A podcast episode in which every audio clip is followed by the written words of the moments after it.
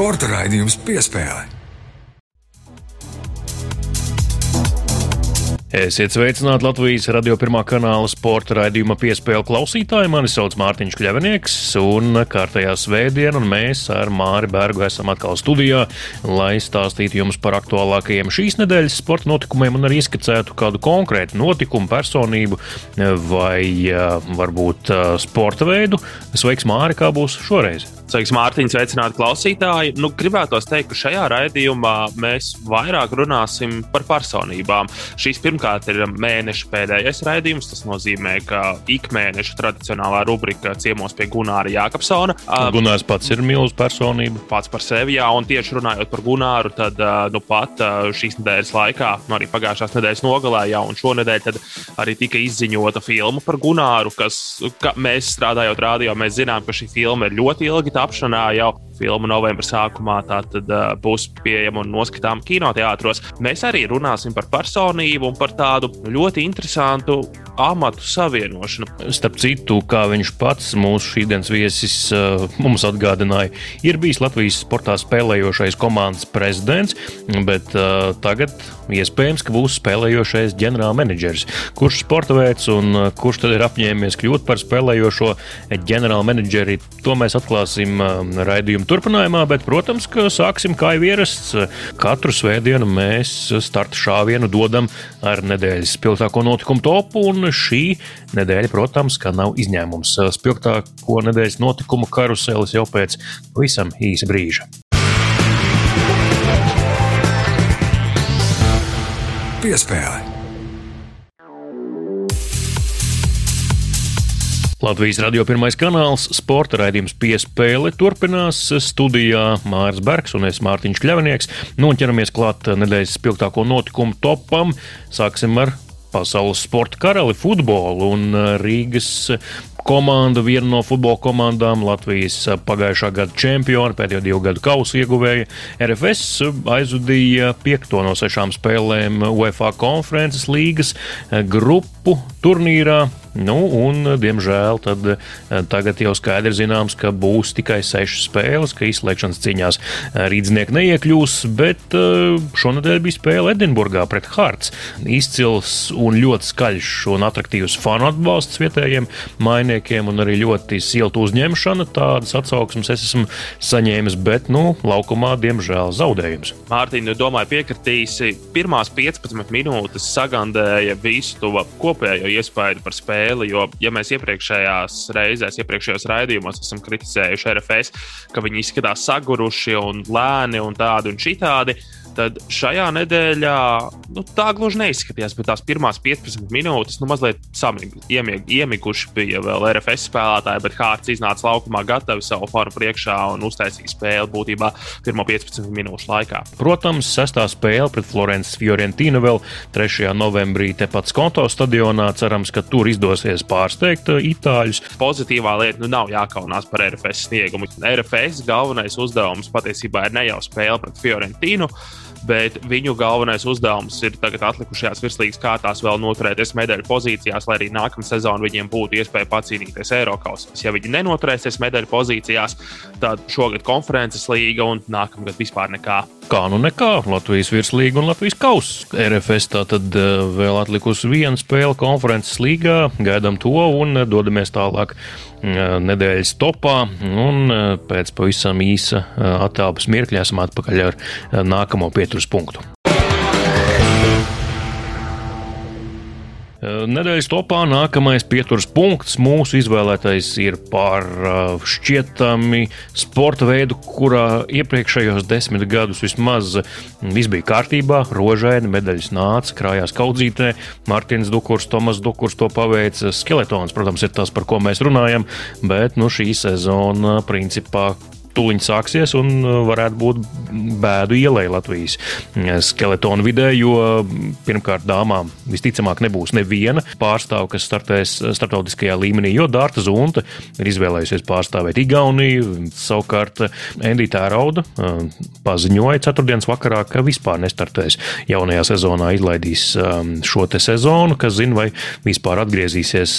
Tomas Dukurs tēmē uz atlapšanu no traumas un startēšanu pasaules čempionātā Sanktmoricā februārī.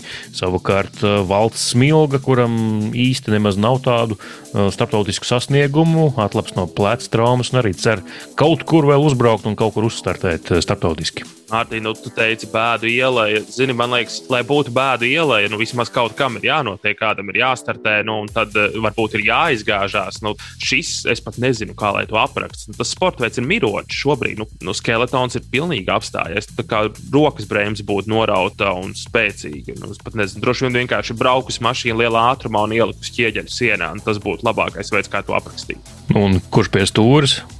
Dainis Dukurs un Zīns Sekmens. Abi Jā. vainīgi, gan federācija, gan Dainis. Es domāju, ka visi tur ir līdzvainīgi. Kā jau minēji, Dainam ir uh, kašķis arī ar Gintu dzēru izveidojis. Nu, tādas attiecības savstarpējās nav pārāk labas. Ar Zinti ir kašķi. Visiem ir savi lielie ego, un tomēr vīri nav kaut kur spējuši to savu ego palikt malā un strādāt kopīgi mērķa labad. Viens valk deķīt uz savu pusi, otrs uz savu, trešais vēl kaut kur. Nu, beigās tas deķīts acīm redzam ir neizturējis. Šobrīd skeletonu liekam maliņā, dodamies pie cita ledus. Nedēļas spilgtāko notikumu topa turpinājumā skaļš paziņojums. Lauris Dārziņš atgriežas Latvijas hokeja izlasē. Kā zināms, viņš uh, izlases mm, spēlētāju karjeru noslēdza uzreiz pēc uh, Pekinas Ziemas Olimpiskajām spēlēm februārī, bet Čeku Reku Lauris ir atpakaļ, bet nespēlētāju statusā.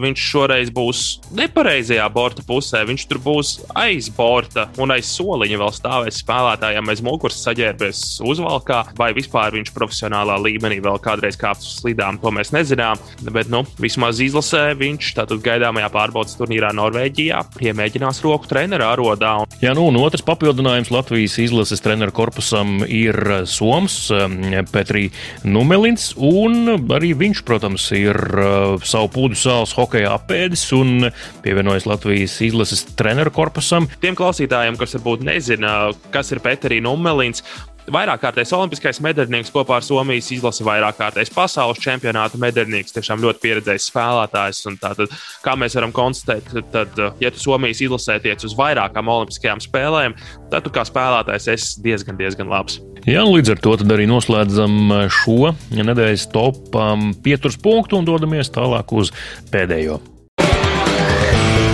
Piespēle. Nu, un pēdējais eh, šīs nedēļas spilgtāko notikumu topā pieturas punkts mums arī ledus hokejs. Eh, runāsim par kādu vīru, kurš jau 13 gadus strādā principā bez brīvdienām, bez piespiedu brīvdienām, tikai ar uh, vasaras pārtraukumu, kad hokeja sezona nenotiek. Tas ir neviens cits kā jaunais Nacionālās hokeja līgas dzels vīrs, ne tikai aizsargu, bet kopumā spēlētāju konkurencē, jo viņš pats ir uzbrucējs. Fils Kesels ir viņa vārds. Es domāju, ka esat viņu par viņu dzirdējuši, bet viņš šonadēļ aizvadīja savu 990. spēli pēc kārtas NHL. Tas ir vienkārši neiedomājami. Kopš 2009. gada eh, oktobra pēdējās dienas viņš nav izlaidis nevienu Nacionālās hokeja līnijas regulārā čempionāta spēli. Jā, tas ir apbrīnojams sasniegums tādā sporta veidā kā hokejs, kontakta sporta veidā, kur gūt traumas ir ārkārtīgi vienkārši. Vēl jau vairāk NHL, kur spēle ir ļoti ātra. Un vienā no iepriekšējām, manuprāt, tā bija pagājušā vai aizpagājušā sezona, viņam spēlējot Arizonā. Kesela ģimenē bija ģimenes pieaugums, tātad, lai šo sēriju turpinātu. Viņš devās laukumā, nospēlēja tur kādas divas, trīs maiņas. Un tad uh, vienkārši devās uz ģērbtuvēm, pārģērbās un brauca uh, pie sievas uz slimnīcu. Viņš nav tāds prototypiskais atlētājs, nu, kuru varētu likt uz žurnāla vāka, uh, tāds muskuļu kalns un tā tālāk. Viņš nebūtu tāds. Viņš ir. Uh, Viņš ir tāds džeks, kuram patīk kolu iedzert pēc spēles, kādu hotdogu apēst.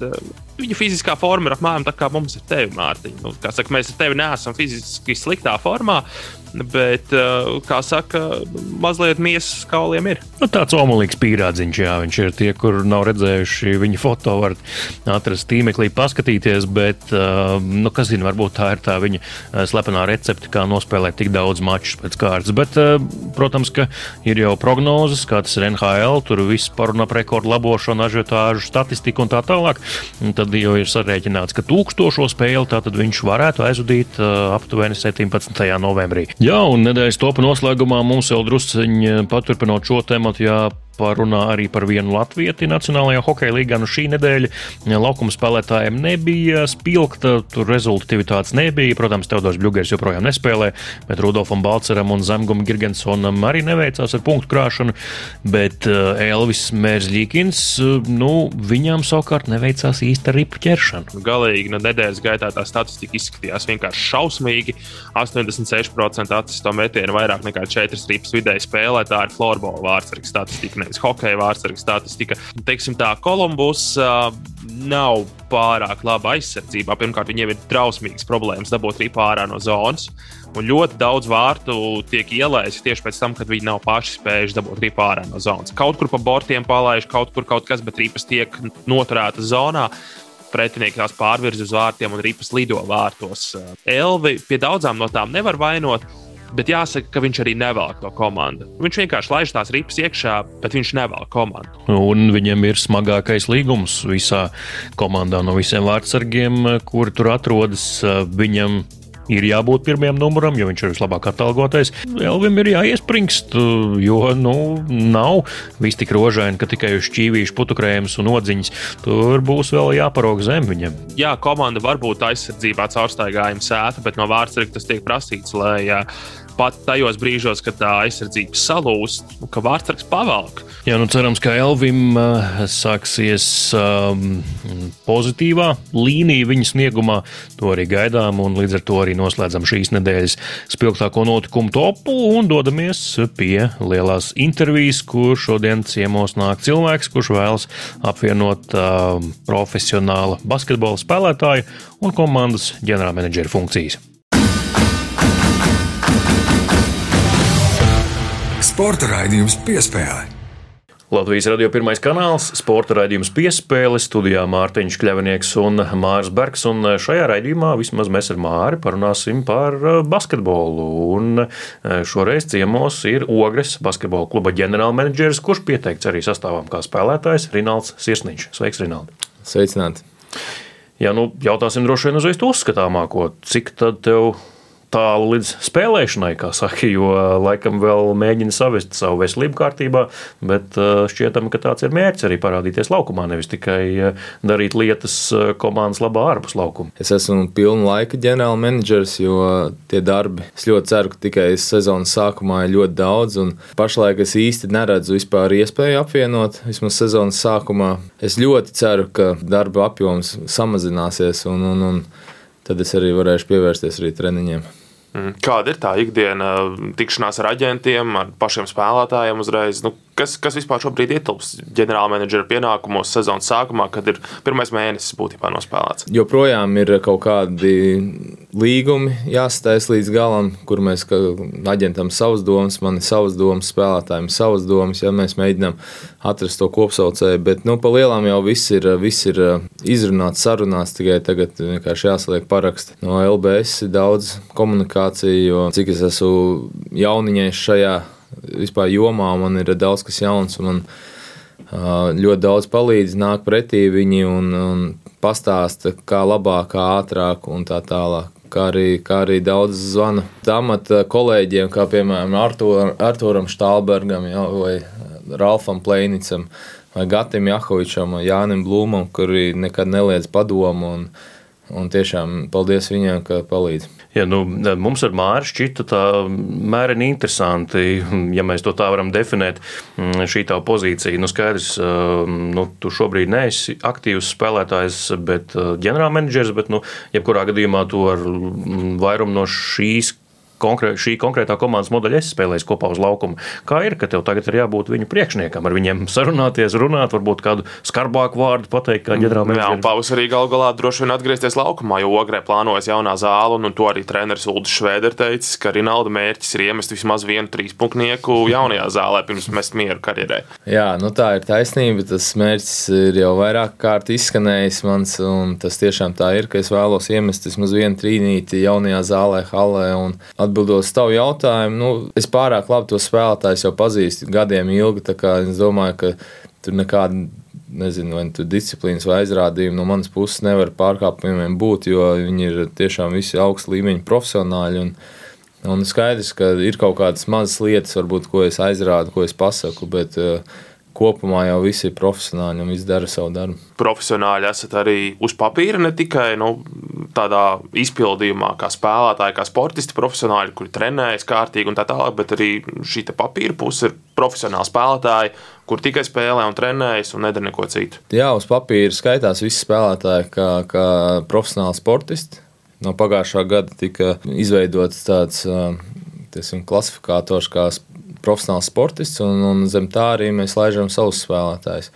Tas, ko paralēli citi spēlētāji pieredzējušie dara, tas ir, tas ir viņu atbildība, viņa, viņa vēlmes un domas. Un es zinu, ka katram ir kaut kāds, kāds papildu biznesiņš vai papildus kaut kāda darbiņš, ko viņi dara un ko viņi var apvienot ar basketbolu. Bet katrā ziņā primārais ir basketbols. Jā, ir jums viens ceļbūnieks, jā. jā. Un vēl daudz citu profesiju pārstāvjuši. Gan kafijas meistars, gan, mm. gan gan uh, fiziskās sagatavotības treneris. Plašs diapazons. Jā, plašs diapazons jā.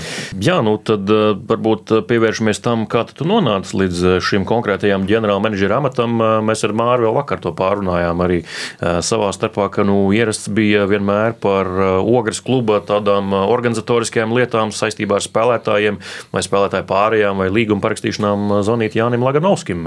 Tagad situācija ir mainījusies.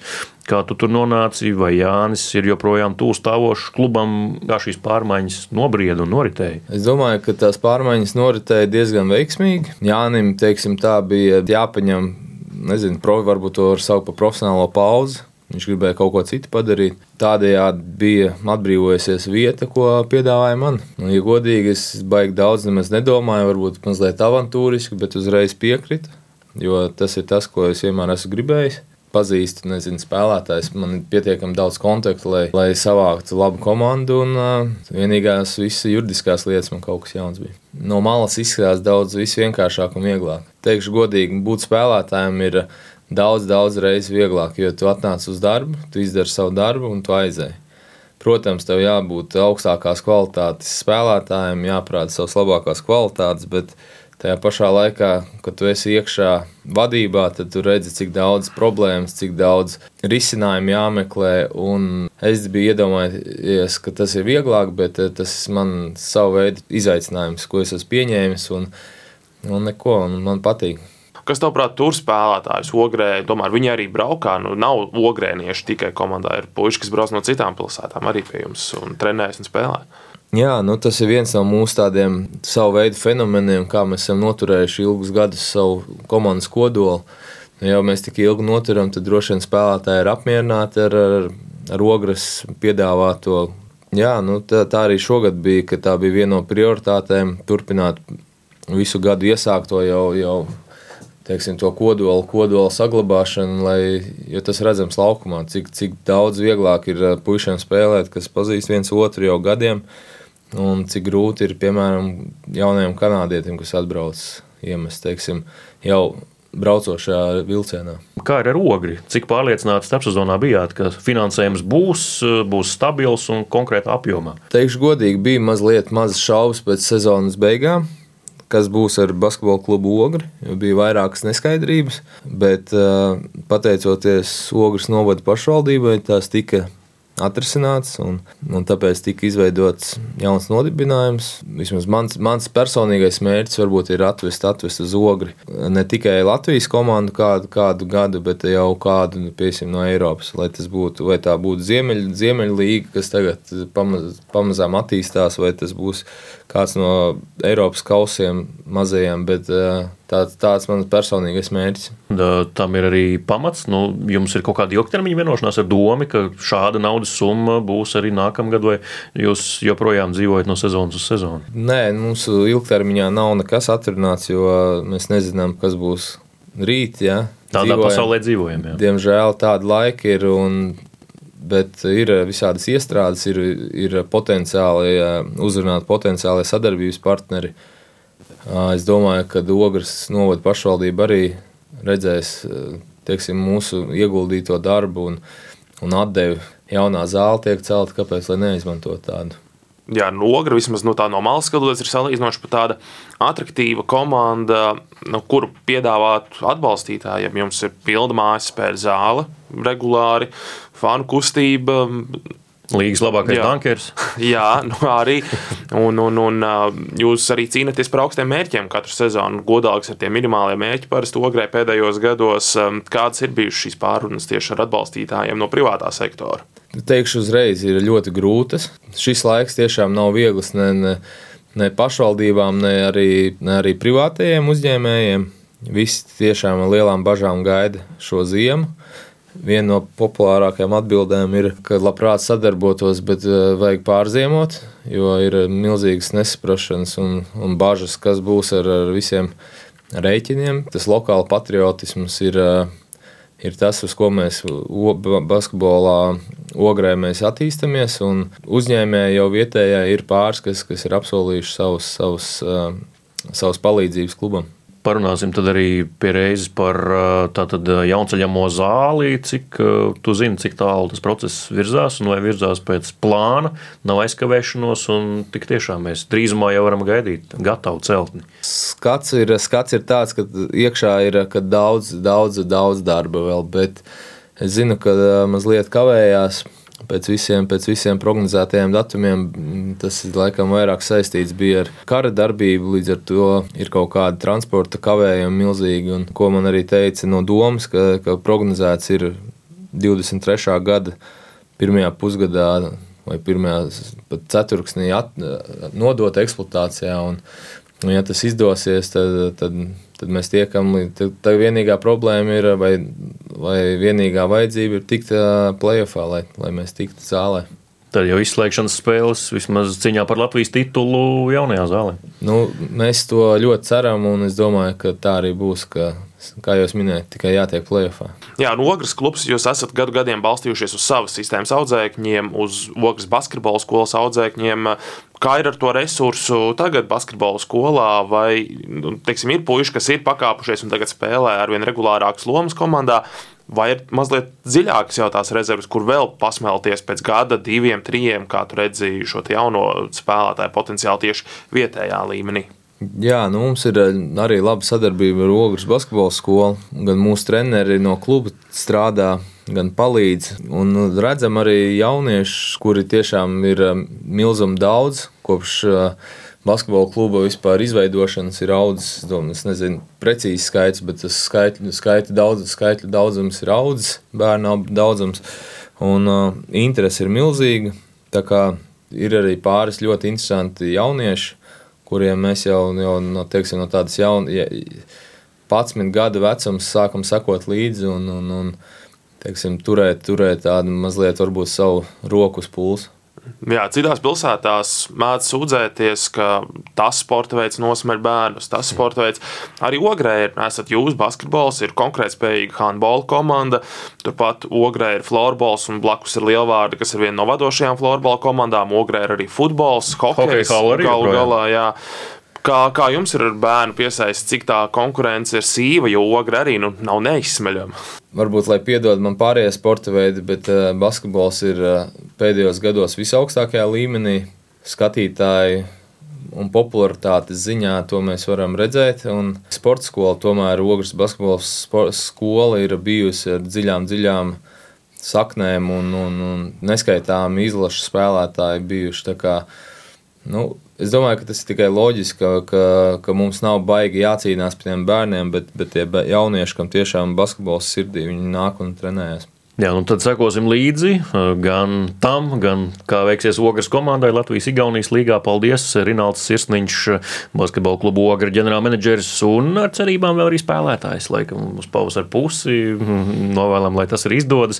Paldies, Rinaldi, ka atnāci šodien uz Latvijas radio, bet redzījums piespēlē līdz ar to tad arī liek punktu šai sarunai. Paldies! Paldies! Jā, paldies, Rinaldi! Sporta raidījums piespēlē. Studijā es Mārtiņš Kļavnieks un Mārs Bergs. Tāda lūk saruna ar um, Rinaldu Sirsniņu, bet um, nemazāk interesants stāsts arī mūsu raidījuma turpinājumā. Gunārs Jākapsons ar savu tradicionālo rubriku šoreiz pie viņa ciemos bijušais olimpietis, tagad saimnes deputāts, kādreiz arī bijis ministrs. Klausāmies! Ciemos pie Gunāra Jākapsona. Sports, sportošana, sportiskums - tāds ir šīs dienas tikšanās vadmotīvs. Un mans ciemiņš triju sasaukumu saimas, arī 14. saimas deputāts un triju olimpisko spēļu dalībnieks, desmitkārtais Latvijas čempions Raimons Bergmanis. Labdien! Labdien! Tā ir izgadījies, ka esmu komentējis tavus startus dažādās sacensībās, un tostarp arī Atlantas un Sidnejas Olimpiskajās spēlēs. Esot klāt arī vienā no traģiskākajiem mirkļiem tavā sportista gaitās, kad Sidnejā pirmās disciplīnas pirmajā mēģinājumā tu guvi smagu traumu, kas pārvilka svītru visai tavai svarcēlāja karjerai. nedomāju, ka pārvilks strīpa. Varēja jau atjaunoties, un arī atjaunojos. Paldies visiem tiem, kas palīdzēja, gan tiem doktoriem, kas man izoperēja Austrālijā, gan arī šeit Uļai Simjonovai, kas atbalstīja un palīdzēja man, rehabilitācijas procesā Uģim Beķerim, ortopēdijas un traumatoloģijas institūts fizioterapijas nodaļas vadītājiem. Bet nu, trauma jau ir palikusi līdz šai dienai. Tas jau nekur nav mainījies. Tā kā roka ir labā, un tas nemaz tik labi nav. Tas ir atstājis iespaidu. Bet Nu, arī tie gadi bija droši vien tas uh, lēmums jau šādā tā būtu agrāk vai vēlāk jāpieņem. Un, uh, nu, tā ir nu, sanācis, ka gan no svarcelšanas, gan no arī spēku vīru sporta es aizgāju tādā veidā, kā varbūt citi rīko piemiņas pasākumus un turnīrus, un kur tad arī tas viss notiek. Tāds ir sports. Nu, tur droši vien varētu ilgi un dikti stāstīt, kāpēc tas viss notika, bet uh, to var analizēt varbūt kādi citi. Jā, nu, šādu smagu mirkli tavā sporta dzīvē, arī dzīvē vispār nav bijis mazums. Bet galvenais ir droši vien, kā tiem tikt pāri. Tas nav viegli, absolūti nav viegli. Un arī pēc Sidnejas, es domāju, bija diezgan sarežģīta situācija. Bija no 34 gadi, divi mazi bērni, es ar salauztu roku, sports ir beidzies. Kur tālāk tas saucās vienmēr, kad man es, es smējos. Man kādreiz varbūt vajadzētu kaut ko uzrakstīt par savu dzīvi. Tad... Noteikti. Varētu pat izdomāt grāmatas nosaukumu jau tagad, bet uh, tas tiešām ir ļoti sarežģīti. Un tāpēc arī šobrīd, uh, uzrunājot un tiekoties ar jauniem sportistiem un daudzām lietām, es domāju, ka tas ceļš, ko es varbūt pats biju izvēlējies, bija tas pareizākais, ka vienlaicīgi tomēr es paralēli arī studēju un apgūstu profesiju, un tas viennozīmīgi palīdzēja. Varbūt tas patraucēja kaut kādā veidā, varbūt, bet es nevaru to apgalvot varbūt sasniegt vēl tos pašus paševeresta kalngals smailumu, bet uh, viennozīmīgi tas palīdz turpmākajā dzīvē. Ja tev ir izglītība, tu esi mācījies, un tas deva to iespēju arī, arī atrast to izēju varbūt tajā brīdī, kad diezgan tās sajūta nav no tām vieglākajām, kad tev saprot, ka tev tagad ir jāpieņem pilnīgi jauna dzīves izaicinājuma. No Raimond, mēs esam sākuši ar beigām, tās svarcēlāja karjeras beigām. Tu esi ne tikai trenējies, ne tikai startējis izcēlās sacensībās, tu esi dienējis arī bruņotajos spēkos. Četrus gadus es biju aizsardzības ministrs. Tolēk vēl obligātais dienests nešķīta aktualitāte. Varbūt tāpēc mazāk runāja par jauniešu piemērotību vai nepiemērotību dzīvei, tā skaitā militārajam dienestam. Tagad izrādās daļa jaunieši ir fiziski vāji sagatavot šai misijai, kas mūsdienās ir īpaši nozīmīga. Nu, ko darīt? Kā mūsu laiku datorizētos jauniešus mm, vairāk piesaistīt sportam, fiziskām aktivitātēm, sportošanai? Šis laikam ir jautājums, uz kuru es zinātu atbildes. Viņu varētu apbērt ar zelta cilvēku, bet godīgi sakot, viens no spilgtākajiem maniem pēdējo mēnešu iespaidiem bija gandrīz līdz asarām. Mēs braucot pa priekšvēlēšanu laiku Latgalē, apstājāmies pie ļoti skaistas, nekad nebija bijis Baltinovas baznīcas un blakus bērni spēlēja futbolu. Es tik sen oh. nebiju redzējis to spēli. Iesaisties pats. es, man, es, es teicu, es nebraukšu, es vienkārši stāvēju un skatījos. Es atceros pats, kā es laukos. Mēs divi pret divi ar riteni naktī braucām pa tums mājās. Un, eh, nu, tās fiziskās aktivitātes tiešām ir ļoti vajadzīgas. Un šobrīd arī nesen bija tāda lekcija no Somijas, bija atbraukuši eksperti, tiešām, kur ir tā sistēma jau gadiem iestrādāta. Viņi godprātīgi arī šobrīd pateica, ka arī viņiem Somijā šobrīd no visu iesaucamo skaita 20% atkrīt uzreiz. Viennozīmīgi atkrīt gan daļa veselības, daļa fiziskās sagatavotas, mentālām problēmām. Tā, tā nav tāda mūsu tikai Latvijas, tā ir tāda, man liekas, vispār šobrīd pasaulē tā situācija ir tā krasi mainījusies. Kā to darīt? Nu, droši vien kaut kādiem ir jābūt šiem cilvēkiem, tādi kā droši vien Gunār, tu jau zini, tik daudz es biju saistīts ar sportu. Šie cilvēki, kas spēja aizraut, kas šie treneri, mēs jau varam uzbūvēt vislabāko infrastruktūru, bet ja nebūs šie cilvēki ar šīm degošām acīm, kas uzrunā šos bērnus, cīnās, ceļās augšā, brauc, atbalsta. No bez šiem cilvēkiem droši vien būs grūti, bet eh, jāmēģina arī tomēr veidot tādu situāciju un tādu nepieciešamību. Jā, nu, tā tas ir. Nu, visai skarbs ir bijis tavs sportiskais mūžs, bet tu nemirkli neesi sportam uzgriezis muguru. Par to liecina arī tava sabiedriskā darbība, gan esot Latvijas Olimpiskajā komitejā, Olimpiskajā akadēmijā, gan arī vadot Olimpiešu klubu un Svarcelšanas federāciju. Nē, šaušanas federācija. Šaušana. Šaušanas federācija, jā. Vajadzētu būt Svarcelšanas federācija, bet šaušanas federācija. Bet, ja mēs minam šaušanas federāciju, man gluži vienkārši momentā nāk prātā Seula un Barcelona, mūsu Afanāsijas Kuzmins, kurš izcīnīja zeltu un sudrabu.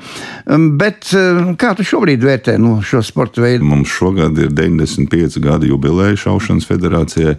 Un šī gada pasākumi, kur varbūt tiešām mazāk ir publiski izskanējuši, bet nu pat, nu pat šobrīd norisinās pasaules čempionāts eh, Eģiptē, kur mūsu komanda, jauktā komanda, tikai pēdējā šāvienā, sašaujot nedaudz mazāk nekā Irānas komanda, palika bez bronzas medaļas šaušanā jauktajām komandām starp visu pasauli. Un, ko es esmu šī gada laikā, nedaudz vairāk kā gada laikā, šobrīd vadot šaušanas federāciju, iepazinis fantastiski cilvēki, aizrautīgi, ieinteresēti, gudri. Un šie rezultāti mēs esam otro vietu izcīnījuši Eiropas čempionātā. Šogad mums ir eh, fantastisks notikums, jauns puisis. Apaļajā stendā iekļuva gan Eiropas čempionātā, gan pasaules čempionātā astotniekā. Tas ir prātām neaptverams rezultāts, kas visiem liekas, nu kas tu tur astotniekā pret tām visām, kas teica, Itālijā ar stenu šaušanu nodarbojas, nezinu, nu, cik cilvēku, tūkstoši, tūkstošiem. Ja? Un tad eh, ar viņiem sacīkstēties un arī būt eh, tādā vienā līmenī. Nu, pat arī puikas vakar palika piektais un septītais starp visām šaušanas lielvalstīm. Tas ir Kā es teicu, viens no liekas, tas, ko es esmu šobrīd, tiešām ir ļoti, ļoti attīstības laba ceļa esam, kur vajadzētu tikai virzīties uz priekšu. Šobrīd tā izskatāmies. Mēs jau esam divi cilvēki kvalificējušies uz nākošā gada, man liekas, pirmie no visas valsts, kas kvalificējušies Vroclavā Eiropas eh, spēlēm nākošajā. Afanāsijas raud mierīgs, tradīcijas turpinās. Mēs neesam nevienās, īstenībā es esmu pētījis drusku, mums tagad top arī grāmata, es ceru, ka mums iznāks par šaušanu, Latvijas šaušanas vēsturi vēsturi, tad mēs kopš uh, neatkarības atgūšanas šaušana ir bijusi pārstāvēta visās Olimpiskajās spēlēs. Ja par Olimpiskajām spēlēm, tad gribu pieminēt vēl vienu aizkustinošu brīdi. Tavās sportiskajās gaitās tu taču nesi mūsu valsts karogu Barcelonas Olimpiskajās spēlēs atklāšanas ceremonijā. Tu to tolaik uztvēri kā pienākumu vai godu, kas saistās ar patriotismu, un ko tu šodien uzskati par patriotismu, un, un cik lielā mērā tas mums trūkst, un cik tā ir pār pārēm? Jā, nebūs viegli atbildēt, ja mēs skatīsimies tā plašāk, bet attiecībā par šo 92. gada 25. jūlija, nu, laikam manā dzīvē viens no nu, nezinu, nozīmīgākajiem brīžiem, un tā nu vēl sakrist, ka tieši tajā dienā man ir dzimšanas diena. laikam jau reti, kad var būt, vai, vai, vai, vai varbūt vispār nebūt. Tāpēc man tas nozīmē gan tajā brīdī, gan arī šobrīd ļoti, ļoti daudz un par patriotismu. Nu, bez tā mums būs ļoti grūti izdzīvot, ja mēs nebūsim savas valsts patrioti. Tā nu sanāca, ka bija iespēja aizbraukt arī pavērot pat basketbola spēli, Žalgiras komandas spēli Kaunijā. Nu, tur bija tā atmosfēra, kur es labprāt redzētu, un kur mēs bieži redzam sporta sacensībās, bet lai tāda arī būtu ikdienā. Un, uh, Bez patriotisma es pat nevaru iedomāties, kā valsts var attīstīties. Mēs priecājamies par daudzām valstīm, un viņas kaut kā neviļ uz to ir ieaudzinājuši savu, savu valsts iedzīvotājus. Es ceru, ka arī mums šobrīd diezgan labi izdodas to realizēt, bet, protams, ka tur vēl ir daudz, daudz darāmā. Un, kad mēs lepni dziedot savu himnu, dziedāsim skaļi, skaļi to. Tas, man liekas, būs tas brīdis, kad es būšu ļoti, ļoti lepns par mūsu valsti. Es to redzu šobrīd arī daudzās uh, sporta sacensībās. Un tas ir tas brīdis, kad vien, viens no emocionālākajiem man vienmēr ir bijis, kad es skatos pasaules kausu regbijā, kur ir šie sūrie vīri un ar asarām acīs viņi dzied to savu valsts himnu. Tas ir liekas, tāds, ko ir vērts vienmēr paskatīties. Nu, cik noprotat, sports nav bijis svešs arī deputātu vidū, kaut vai futbols, piemēram. Um, nu, cik sportiska varētu būt šī jaunā saima, kā tev šķiet, kā sporta cilvēkam? Mēs vēl tieši braucot uz, uz šo kaujas sporta spēļu alli, tieši domājām un analizējām, vai mums atkal izdosies, jo tā ir tradīcija, ka notiek sacensības starp basketbola komandām, starp starp trim parlamentiem - Lietuvas, Igaunijas un Latvijas. Šais parlaments bija pietiekoši spēcīgs un laba šī basketbola komanda. Kāda mums būs šī brīža, grūti jau zināt, vai nu, visus jau jaunos deputātus nepazīstam. Ļoti daudziem ir tā, ka viņi jau nezina, vai viņi varbūt bērnībā ir tiešām daudz nodarbojušies ar kādu no sporta veidiem, par kuriem tu nemaz nezini. Tā kā es domāju, ka gan jau mēs spēsim izveidot arī basketbola komandu, mums ir arī futbola komanda, kur mēs esam regulāri spēlējam gan ar ciemiņiem, gan arī ar bruņoto spēku komandu. Mēs eh, regulāri spēlējam futbolu. Un visbeidzot, deputāta misija nav tā viegla vieglākā šis amats mēdz būt visai trausls. Ja tev nāktos pēkšņi aiziet no politikas, ceru, ka tas nenotiks. Ko tu vislabāk darītu? Vadītu televīzijas laimīgo ģimeni, karalisko anekdošu turnīru, komentētu spēka vīru čempionātu vai, piemēram, radio veidotu savu programmu ciemos pie Raimonda Bergmaņa. Paldies, Gudār, ļoti, ļoti augsts novērtējums par eh, to, ko es esmu darījis. Īstenībā, jā, tas viens raidījums, kurš bija šī zelta ģimene, tas man tiešām ļoti, ļoti patika. Nekur jau tālu es eh, neaizietu un kaut kādā veidā turpināt kalpot eh, valstī, ko es esmu darījis šos pēdējos ļoti daudzos gadus. Paldies, paldies ka atnāci pie manas ciemos un lai veicas gan saimā, gan arī sportā. Lielas paldies par uzaicinājumu! Sporta raidījums piespēlē.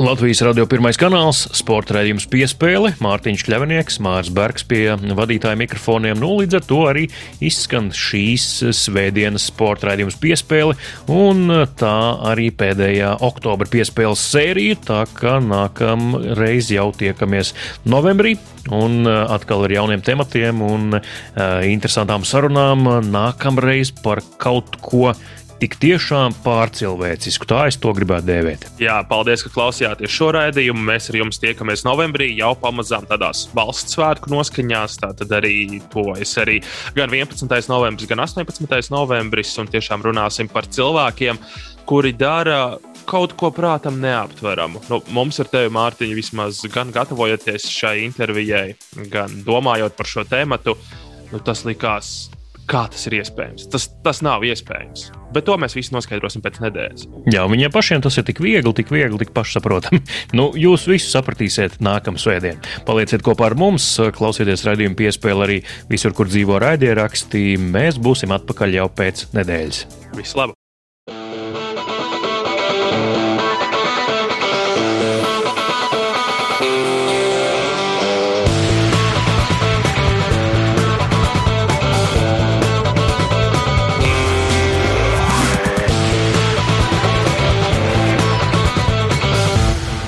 Sporta raidījums piespēlē.